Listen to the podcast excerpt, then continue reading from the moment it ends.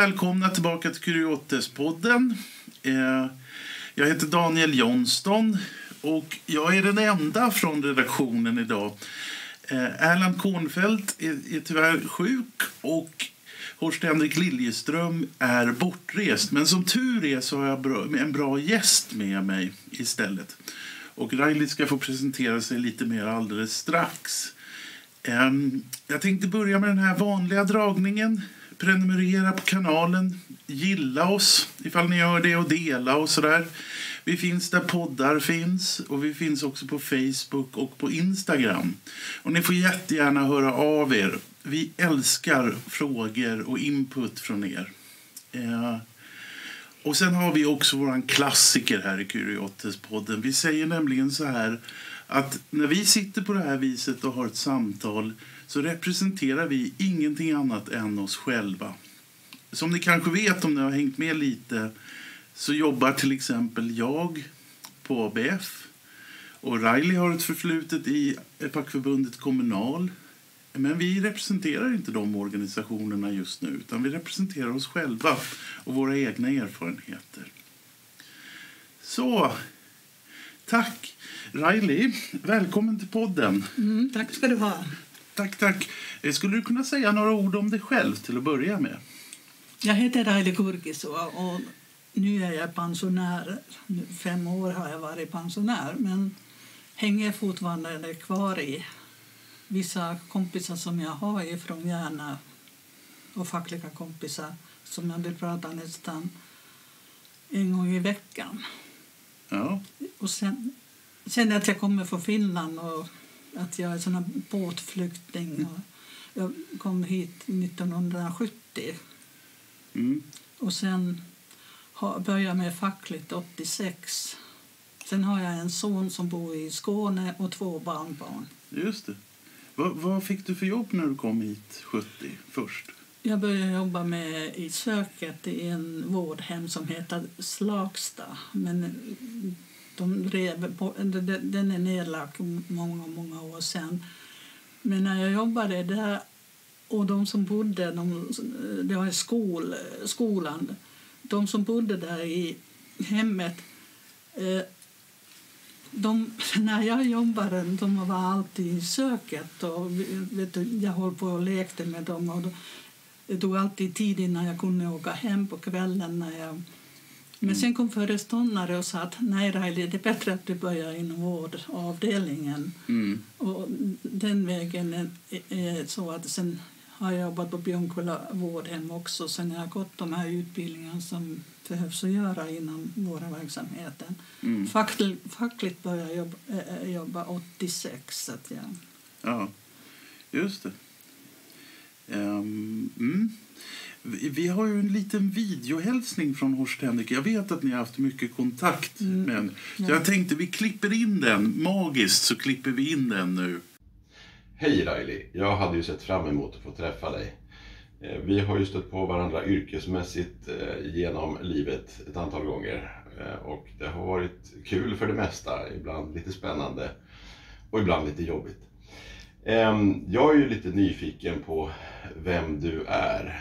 Ehm, jag föreställer mig att du har ett ganska långt yrkesliv och besitter en hel del kunskap om omsorgshistoria utifrån olika perspektiv eh, som jag gärna hade velat prata med dig om. Eh, och säkert andra spännande saker. Ehm, jag önskar dig en trevlig eftermiddag med Daniel eh, och hoppas att vi träffas nästa gång. Ha det bra.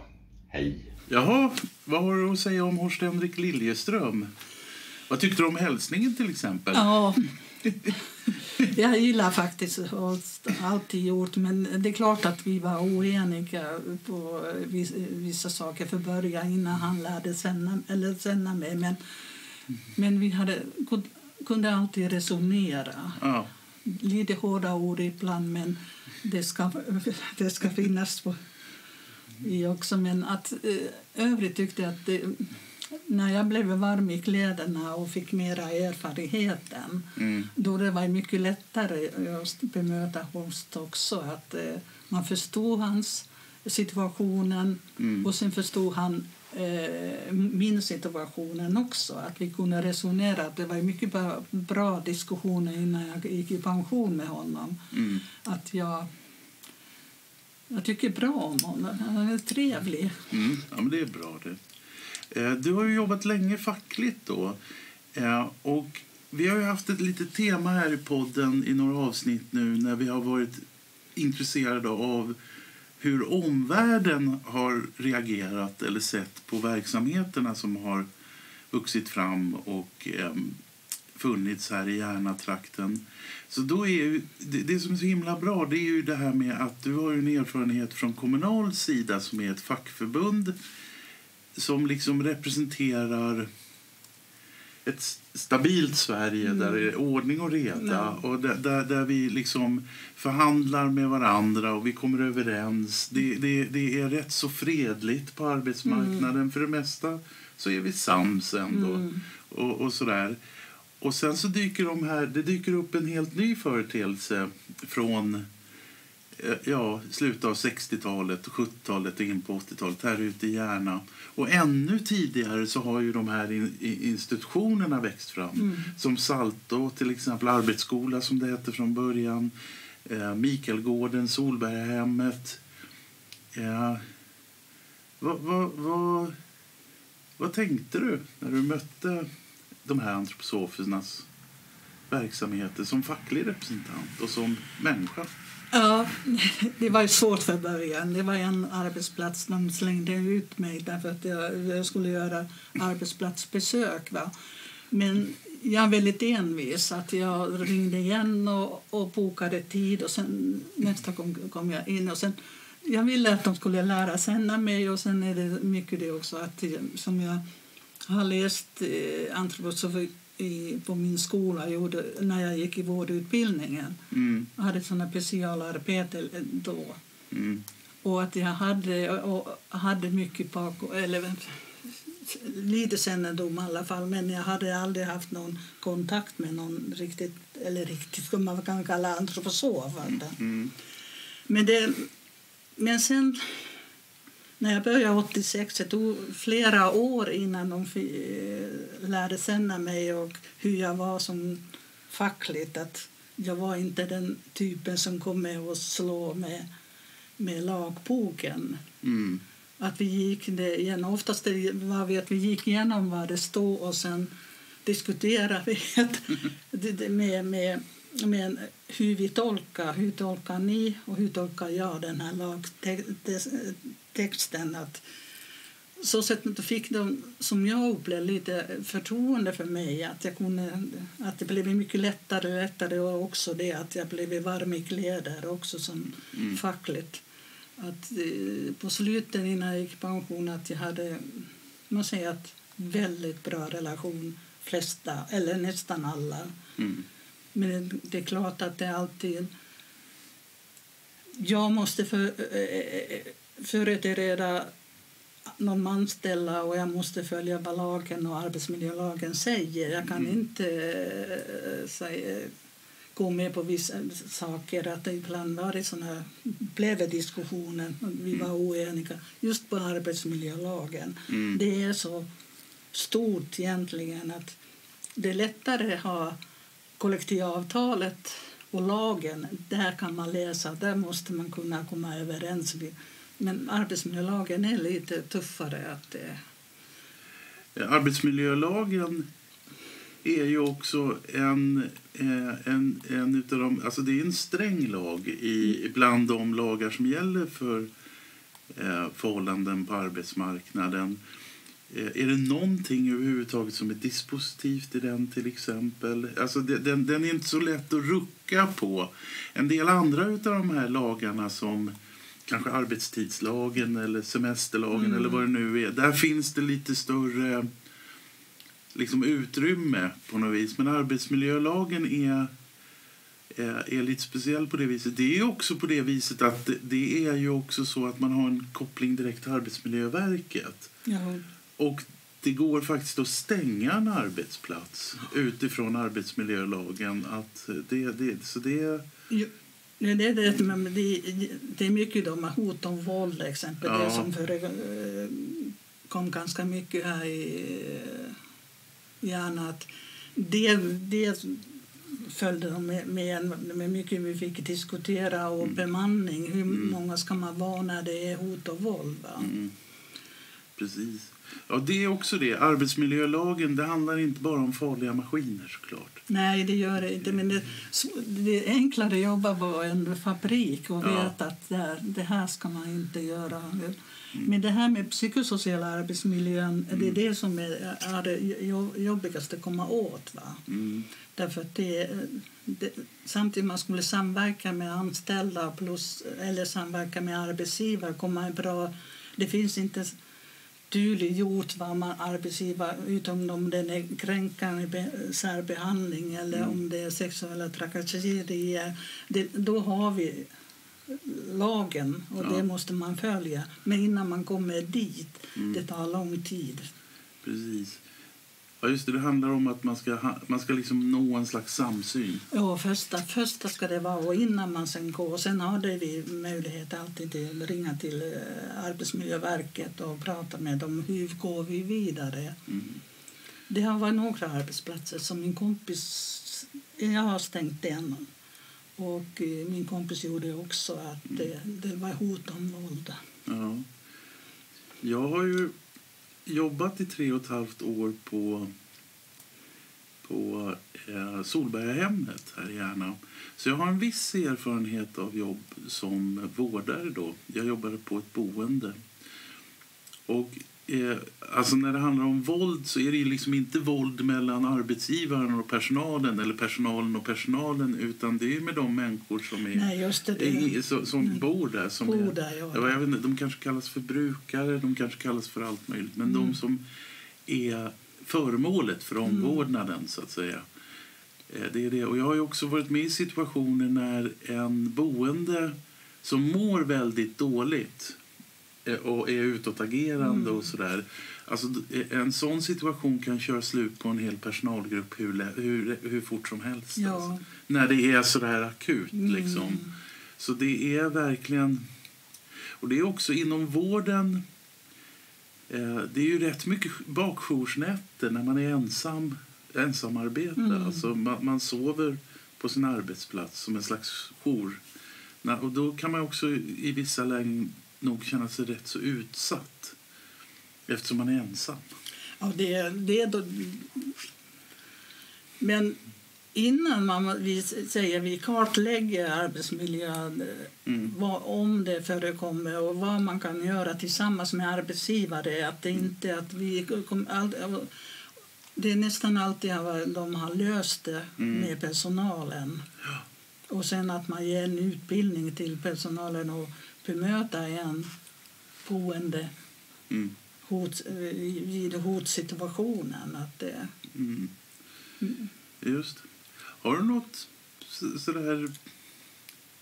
Fanns det någon slags typisk fråga som du stötte på i början där?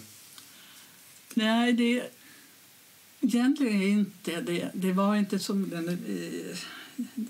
Någon, som, det, det var mest för att man... Jag upplevde att vi, vi var på uh, olika kanter. Jag, uh, facket och sen arbetsgivare, eller jag. Då. Men det, det är oftast som frågorna kom från medlemmarna. Och de inform- eller ringde och talade om att vad det hände och inte hände på jobbet. Mm. Då tog vi kontakt med arbetsgivare då att vi måste lösa alla, eller diskutera det. att Hur, kom, hur tänker ni göra? Därför att det är inte bra att eh, personalen mår dåligt. Mm. Det är också psy, psy, eh, psykiska hälsan Mm. är dåligt just om, nu pratar jag mest om hot och våld därför att det är jättejobbigt att jobb, jobba under det. Att, eh, Mm. att hela tiden, man vet inte, man vet aldrig när de kommer från arbetet, de boende eller skolan.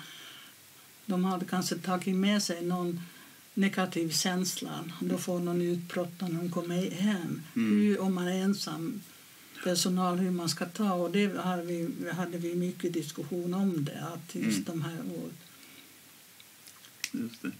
Jag tänkte också, det fanns ju en slags tradition hos vårdhemmen Eh, eh, det finns ju en sån tradition, en sån här Camp Hill-aktig Mm. tradition som har levt också i hjärnan. Det här med att det är ett slags kall snarare än ett yrke att arbeta med de här människorna.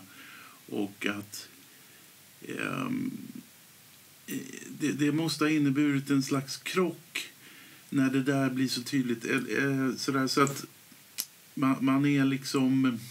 Man har ett kall för att göra det här jobbet. Sen arbetstider och lön och övrigt är liksom inte så mycket...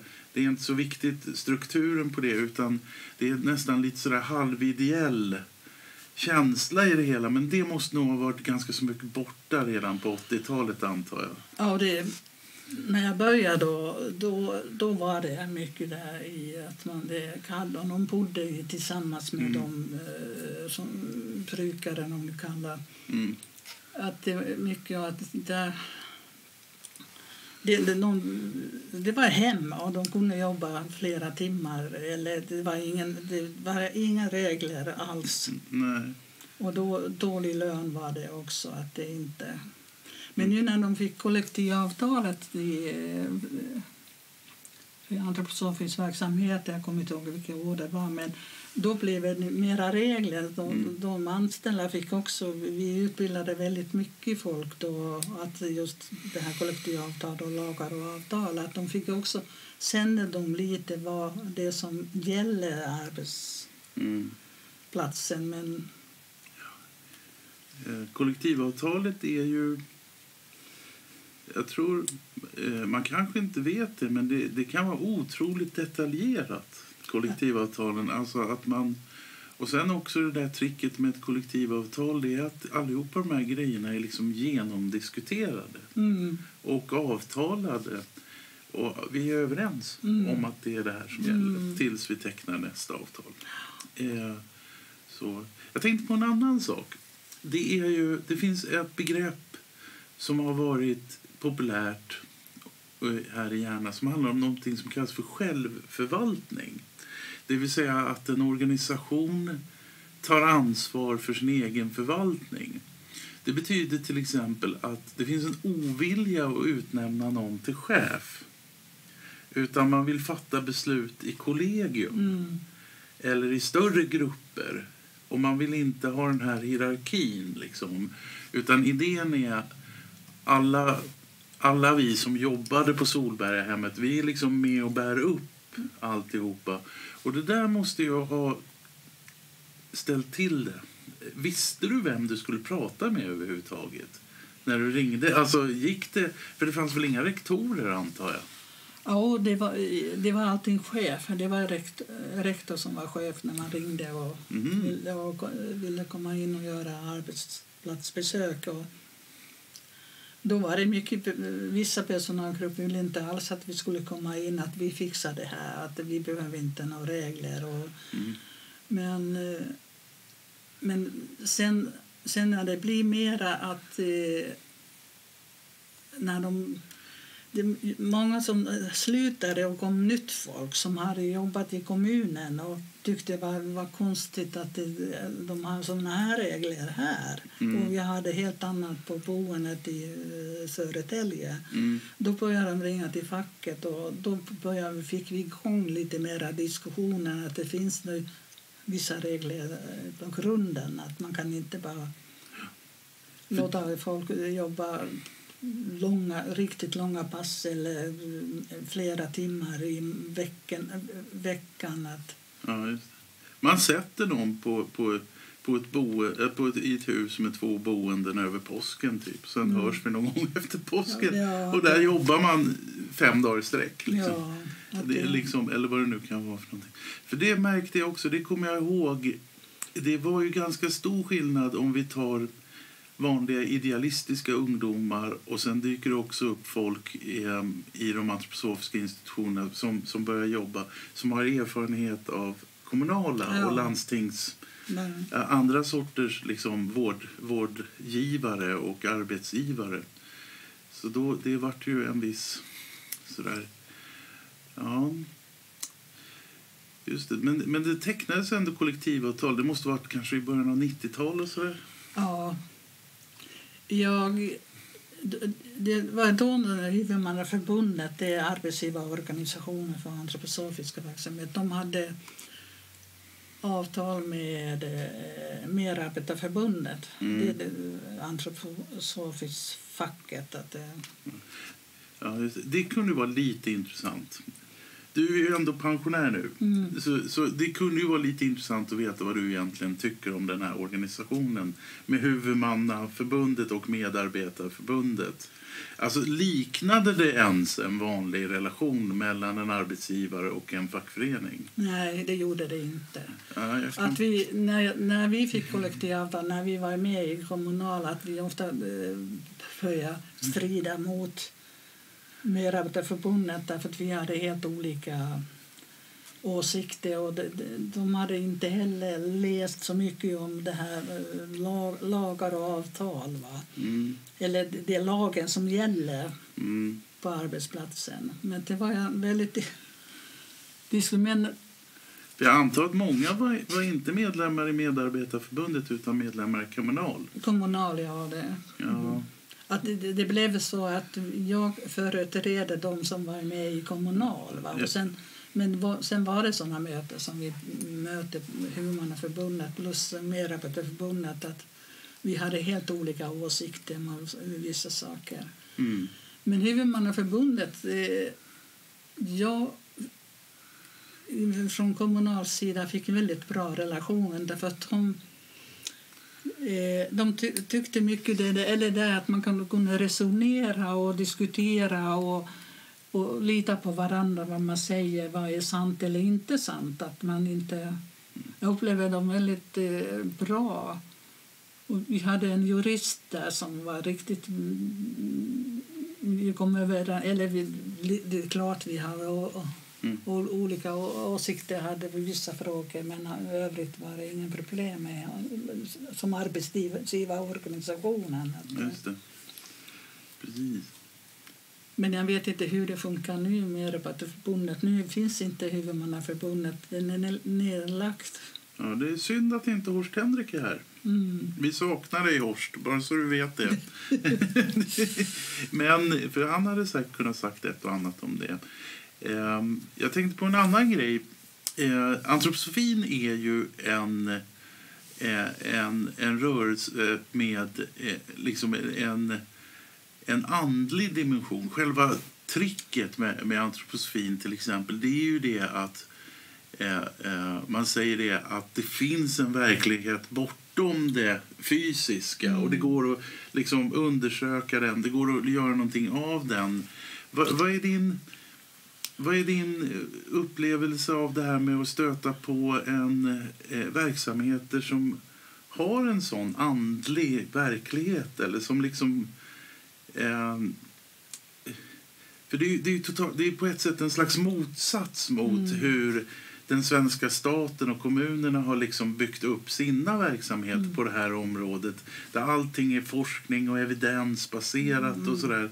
Men då dyker det upp ett sånt här gäng som säger att det finns realiteter i den andliga världen som vi också måste ta med i vårt arbetssätt.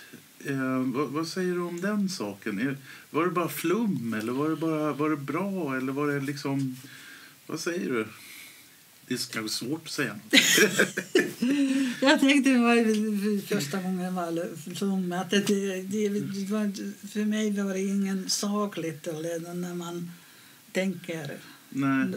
fackligt. Va? Att, Mm. Nej, jag tyckte att det, hur, hur tar de som på där? Ja, just det. Hur klarar de att ta, om, om man säger så att man kommer gå vidare med sitt liv sen ifrån exempel när man tar någon skola. Mm. De är inte evigt där. De, Hur att ha eh, sån dialog och med de som är högstående utvecklingsstörda eller handikappade eller funktionshindrade. Mm. Att hur tar de sen när de blir vuxenliv? Mm. Vad är rätt och fel sen när man kommer ut i samhället? Ja. Vad tror du om det? Har, har, har, de har de varit bra för människor som har bott där? Alltså, det är säkert delat såklart. Men vad tror du? Det är ju ett slags facit. Hur, hur mår människor när de har varit här ute? Hur har det gått för dem? Hur har de utvecklats? Men, vet du något om det? Mm, men de här skolorna som, jag, som blir, ut, de blir utskrivna då efter att några har följt, eller fått veta att det går jättebra. Va? Mm. Eller det går bra att de har anpassat sig på vanligt eh, samhälle och jobbar på daglig verksamhet eller, Mm. eller sysselsatt på någon. Det har blivit. Men samtidigt tycker jag jag eh, är ganska djup eller allvarlig som person. Det var mycket prat, eh, syn, jag fick synvinklar hur man lever. Att jag har tagit lite grann av antroposofin på mitt liv också. Va? Mm. Och Vad då till exempel? det här mänsklighet att, att alla är lika värda Mm. oavsett vilken eh, land man kommer, vilken hudfärg man har. Att man ska respektera alla. Och vilka svårigheter man kan ha. Ja. Ja, eh, just det. Det Ja, det, det, det tycker jag att alla ska ha. Den, att man verkligen, Mm. det, det, är mycket saker som man... Vet du, när jag kom till arbetsplatsen när jag träffade arbetsgivare vi satt alltid och diskuterade därför att jag var, var så nyfiken på Mm. antroposofin. Jag vet inte om det... Får man säga namnet Anders Westerdahl? Just det. Han var ju duktig att Mm. Berätta saker, hela historiken. Vet du. Mm. En timme och sen blev det facket, fackliga frågor. Jaha. Men de är intressanta person, eller just han var väldigt intressant Ja. person. Eh, Han kunde mycket Mm. antroposofi. Ja, det har jag funderat på också. Eh, för, för om man tar folk som är initiativtagare och som jobbar på de här institutionerna så på ett sätt så skulle jag tro att många av dem gör ett mycket hårdare jobb än vad andra gör i, Mm. den, i den mer kommunala verkligheten Mm. eller den landstings eller sådär. Alltså man är mycket mer engagerad i sitt arbete på Mm. ett sätt. Mm. Ja, men det, det, är något, det är någonting som jag bara tror. Men, men ty- tycker du att den bilden stämmer? Att de kan vara väldigt en- engagerade i det de håller på med? Ja, om man ser på chefnivå är- var Ja. de. Ja, att det, det var de. Att det, de ville så vi- väl, men sen blir det, det är också att man har arbetstagare, vissa kanske som inte trodde på antroposofi. Vet du, det blev väl lite konflikter eller där. Mm. En annan grej som kan hända det är ju att i och med att det är klassat som en slags alternativ skolform eller Mm. vårdform eller vad man nu handlar om så kan det också dyka upp folk som har också alternativa Mm. fast inte alternativa på samma sätt. Nej, nej. så, sådär, att det blir ett slags mischmasch. Ehm, just det, det är också en sån situation att hantera. Ehm, jag funderar på, du, du, ehm, du jobbade ju länge mot de antroposofiska verksamheterna. Såg du någon slags utveckling från 80-talet in i 90-talet och vidare? Hände det saker genom åren? Ja, det hände. Det, det, det blev ju så. Det var inte behovslönen. Nej. Det har de inte nu. Men det som vid en arbetsplats. Om du hade barn, Mm. du fick ju extra pengar varje barn du hade. Mm, Men eh, det, försvann slutet på 90-talet. Att, eh, mm, när, sen började de följa man säger, ko- kollektiva lö- löneavtal. Att, Mm. Precis. Ja, det är ju viktigt, för det är också en attitydfråga. Det är ju det där... Eh, det är ju på något sätt det här eh, liksom eh, att... Det är otur. Man, man drar en nitlott om man är ung, inte har familj, inte har bil och bo, har ett billigt boende. Då har man ju inte så stora behov. nej. Då, kanske man, då får man inte så stor lön heller. Det är ju lite otur om man är det. Liksom, så att säga. Och Det är också en liten konstig vinkel på värdet på ens arbete om man Mm. kommer från den fackliga sidan och, och där det är avtal. Det är också det där med... Det finns ju inga minimilöner i några lagar i Sverige. Utan Nej. allting är förhandlat. Ja. Och det kanske folk ibland har lite svårt att fatta. Det finns liksom... Eh, det finns ingångslöner, men de är liksom förhandlade i ett kollektivavtal. Ja. Och en lönetrappa och tariffer och alltihopa där, vad det nu är för Mm. någonting. Övertidsersättningar eh, och vad det nu är. Allting är förhandlat. Eh, så det kan jag tänka mig att det blev en sån här, för det, det är ju en slags omsvängning för då går man ifrån ett sätt att se på det till ett annat sätt Mm. att se på det om man eh, överger det här med en behovsbaserad lön till att det blir en mer avtalad. Mm. Det är också så en avtalad lön gäller ju för kollektivet. Då. Ja. Inte liksom för den enskilde på samma sätt. Nu finns det säkert massor med frihet i det. Men det, det blev ett, lite, man säger så att de som var unga och tyckte, det de som gick med i Kommunal i en arbets, ett, arbetsplats att, att, de tyckte det var så orättvist att varför ska jag, jag har också samma behov jag har, en, jag har precis bil och ganska hyra, hyra är ganska hög. Jag måste ha lå, löner som jag klarar mig. Ja. Men, men sen blev det så att det, det, försvann sen, om man säger på Mm. 80-talet troligen. Det var då att det försvann det här behovslönen. Att det, Var det något annat som hände? Ändrades, ändrades liksom strukturen för led, hur, hur de här verksamheterna leddes? Hände det saker på det området under de här åren? jo, det, det var så att då skulle de ha som hus, husföreståndare Mm. Och sen gruppledare. Det hade de inte när jag började. Och sen den hö, högsta chefen som var ansvarig. Att det blir många led ungefär som ko- kommunen har. Mm.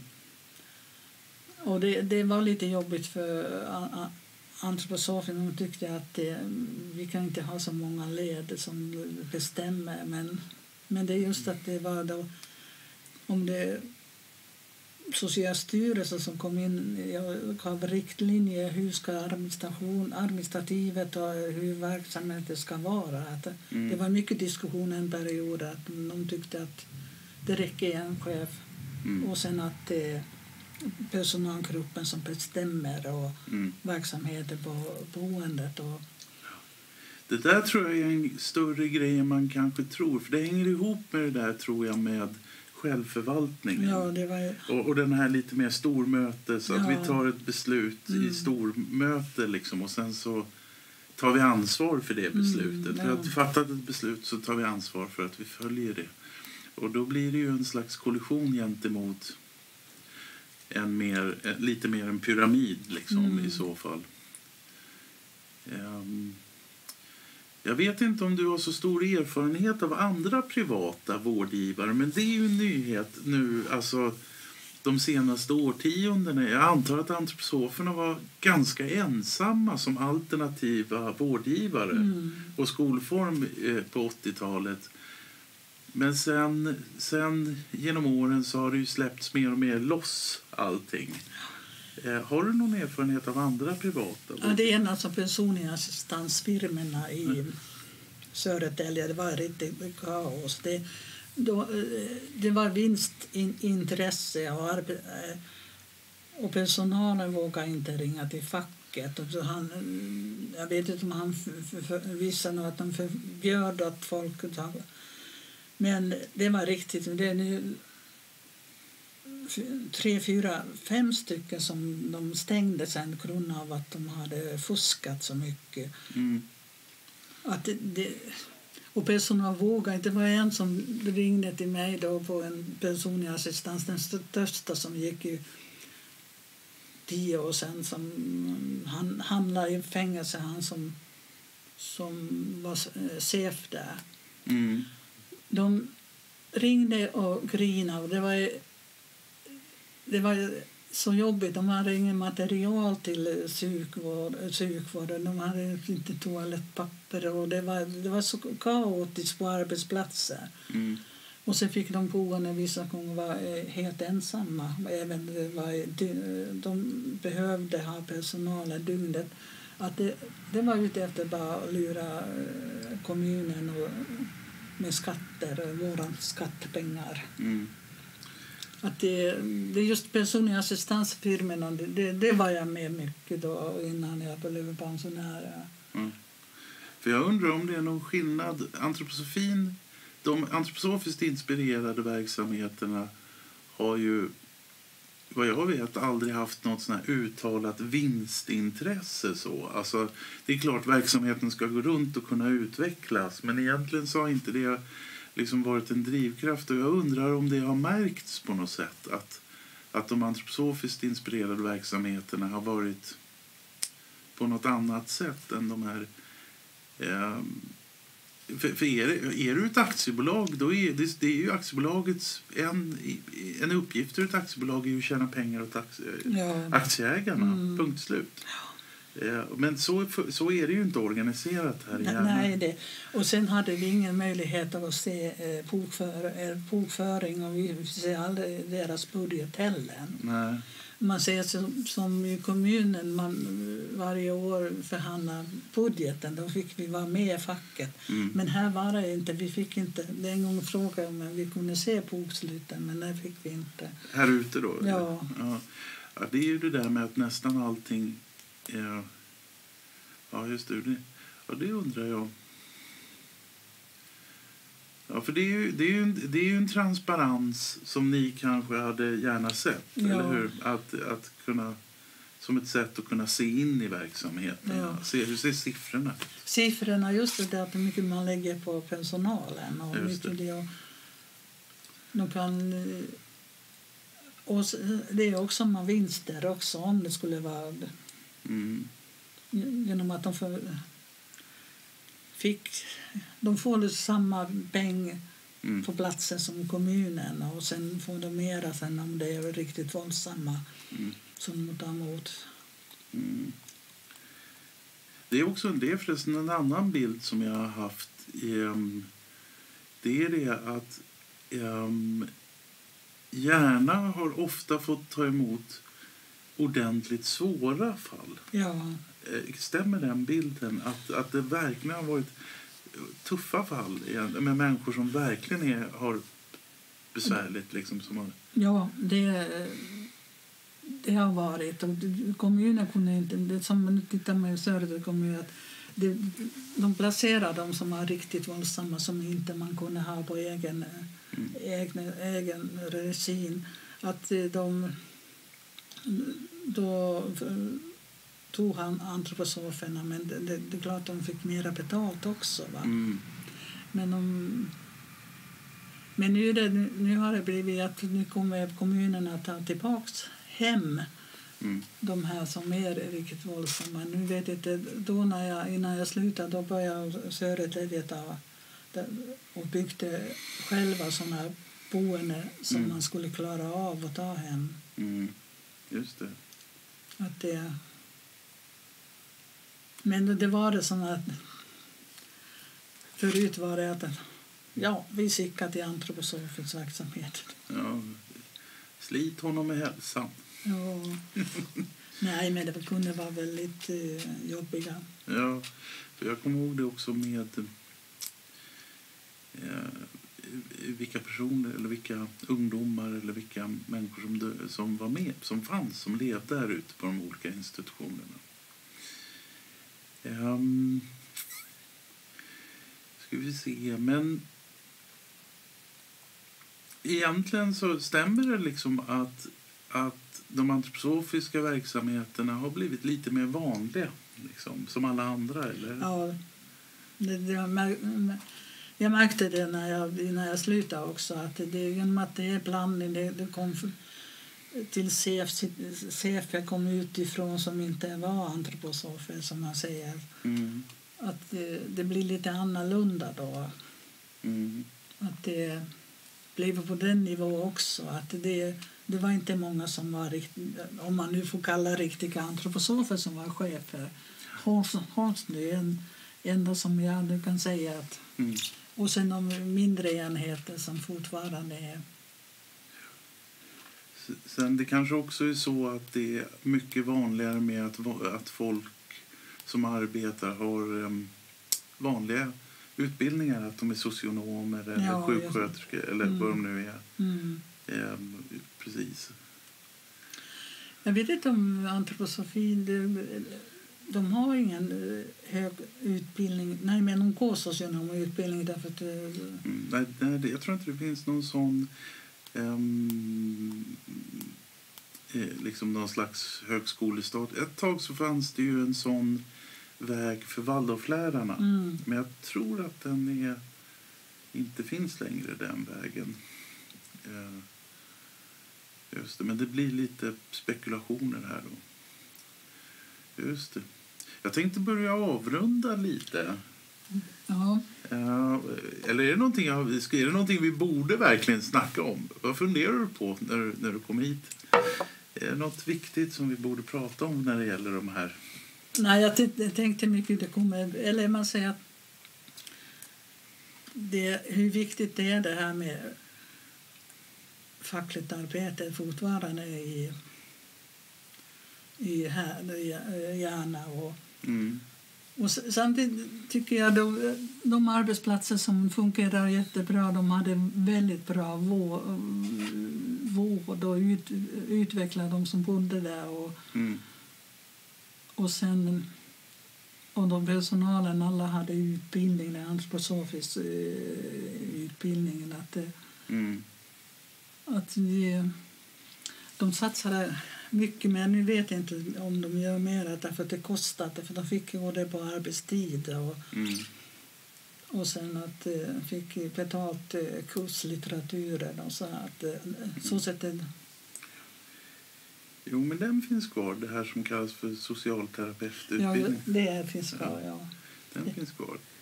Ja, och så. Ja, varför är det så viktigt med ett fackligt arbete?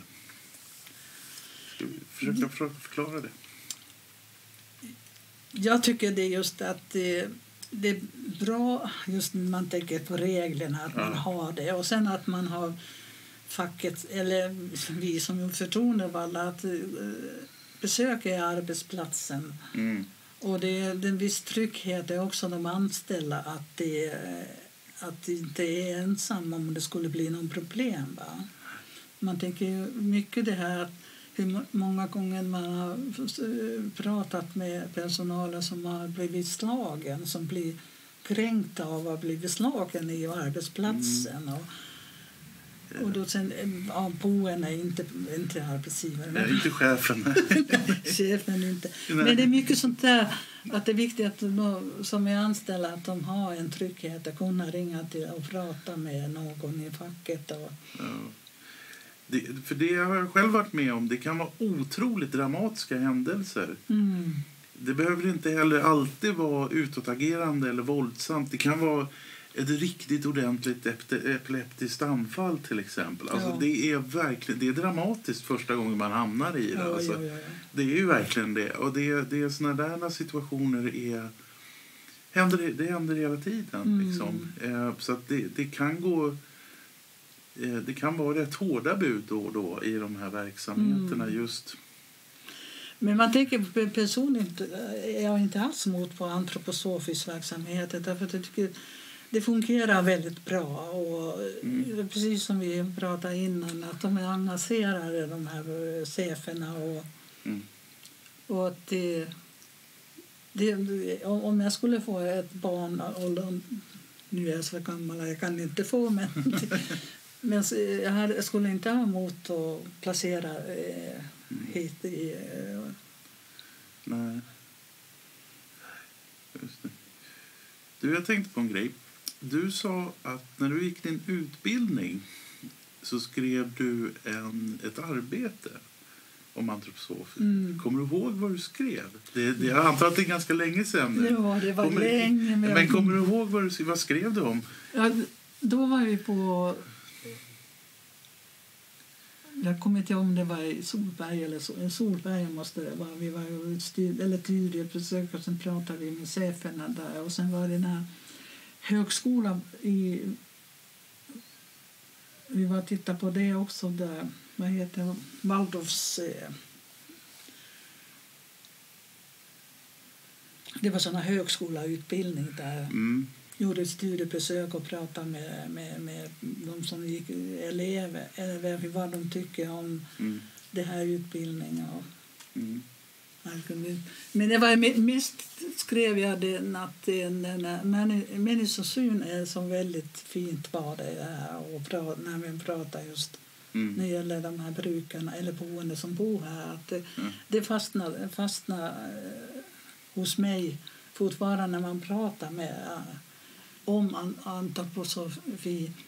Jag tycker det är så mycket bra. Och Sen läste jag hans eh, bok, vad heter han som Steiner, Rudolf Steiner visar Mm. en bok då i, när jag gjorde det arbetet. Att man fick mycket Mm. ifrån hans, vad han Mm. tyckte och tänkte. Det brukar inte vara så lättuggat direkt. Nej, det var inte, men det gick igenom. Sen har vi diskut, Mm. i skolan har vi eh, diskuterat igenom vad vi, eller vi var fyra stycken gruppen, och vad vi hade läst och sen diskuterat. Ja, just det. Ja.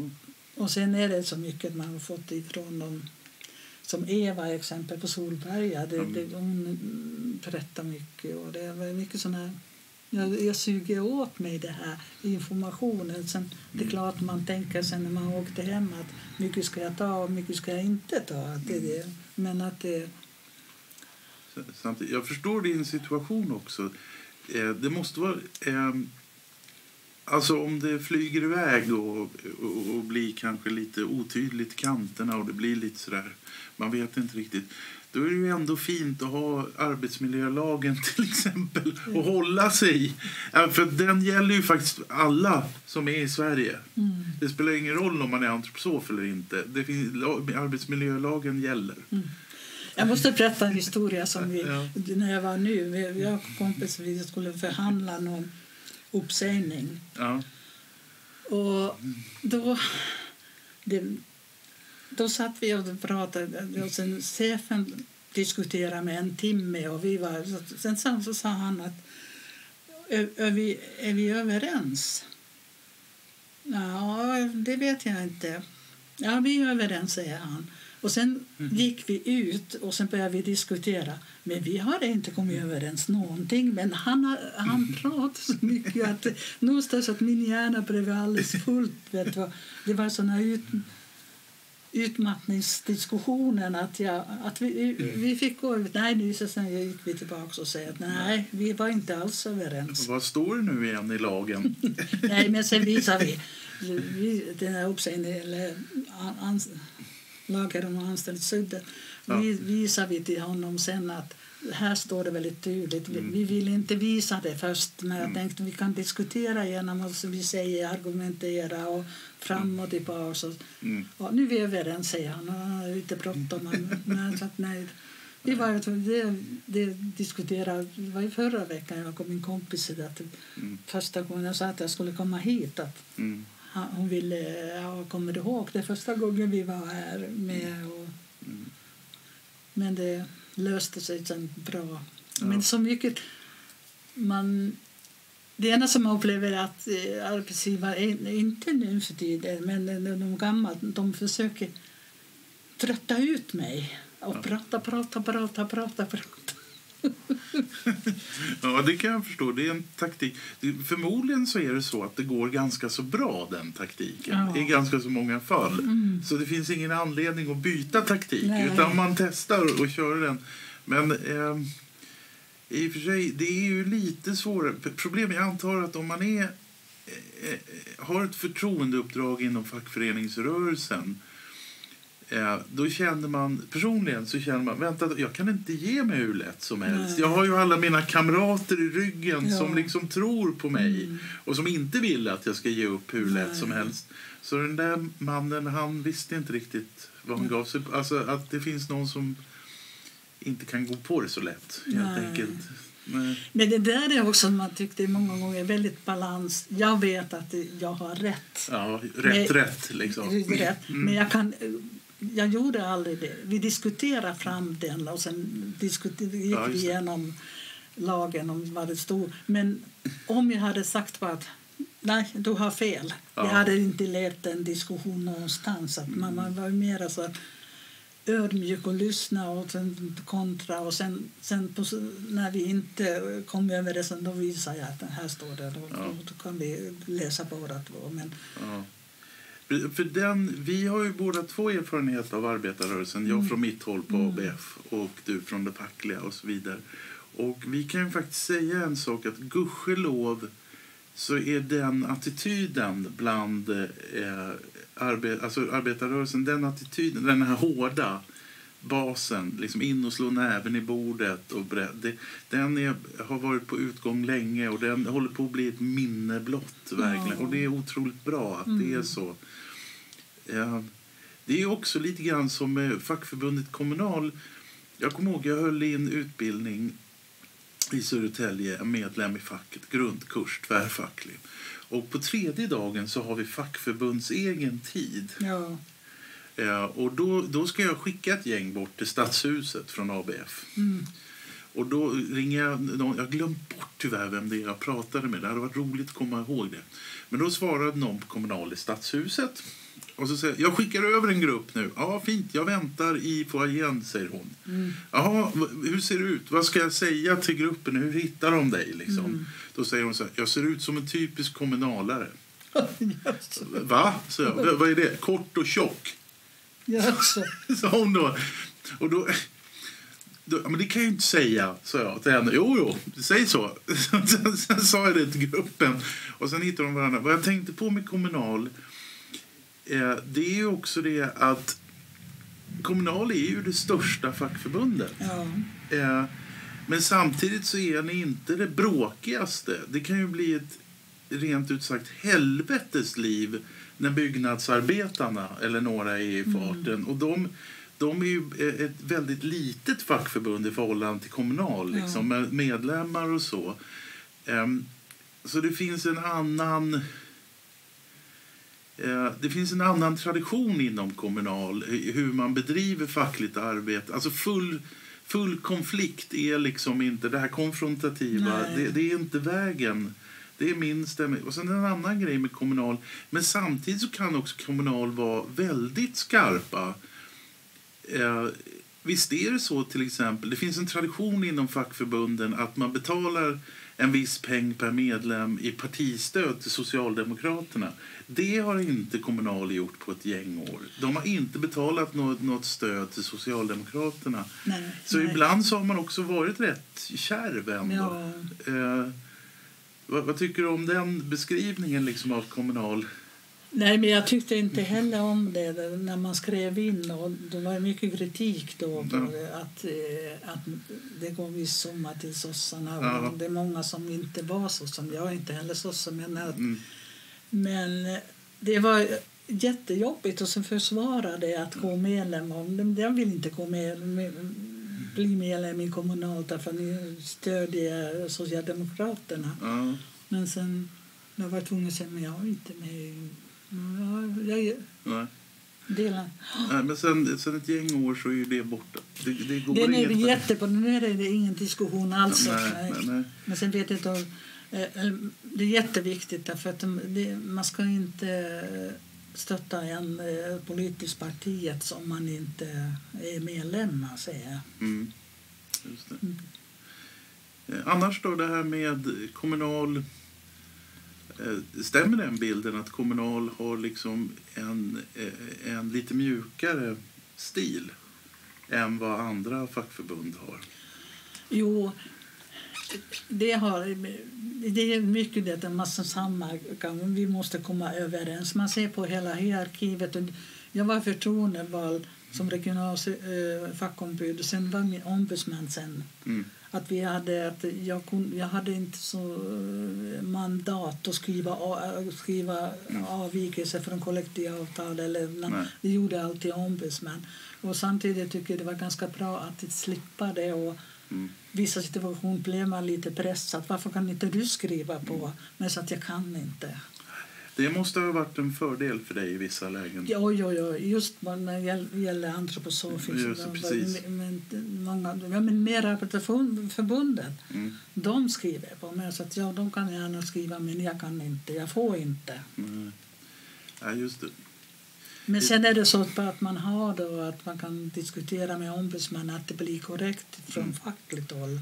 Annars kan det vara personligen man kanske man tyckte bra om någon arbetsgivare. Det är lätt att ja men det kanske jag men men nej, det var det. Och det är många diskussioner som vi har haft med medlemmarna också att jag skriver inte någon avvikelse, jag kan inte göra det. Och de tyckte att en gång satt med, jag går på arbetsgivares eh, fotspår och man fick kritik att man var för trevlig mot arbetsgivare. Men, men man säger så att jag var trevlig men samtidigt jag hade nyporna sen när det gällde. Därför att Mm. vi kan inte, man kan ha social diskussion eller man kan inte diskutera och prata om hundar och katter vad man nu, innan man börjar förhandla. Att man Mm. känner på varandra lite så här. Att, Mm. hur man, men, nej, man- medlemmarna tror att ibland det var några som tyckte att jag var för feg. Men, det, Mm. men, men sen måste jag säga att mitt feg var jag inte därför att jag är ombudsman där på Mm. ringde, Man ringer nästan alltid till henne på en gång att, att nu är det, det här, som situation att det, Mm. Sen kom hon och hjälpte till istället. Mm. Ja, jag märker att jag är, ju ganska, jag är intresserad av fackliga frågor. Så det här hade lätt kunnat bli en facklig podd. Mm. Men nu är det ju inte det, utan det är en, fack, en podd om antroposofi. Så, så att det, det, men det är lätt att lura in mig på, alltså för jag gillar verkligen att prata om de här frågorna. Det är kul. Men jag vet inte, jag tror vår tid är utmätt.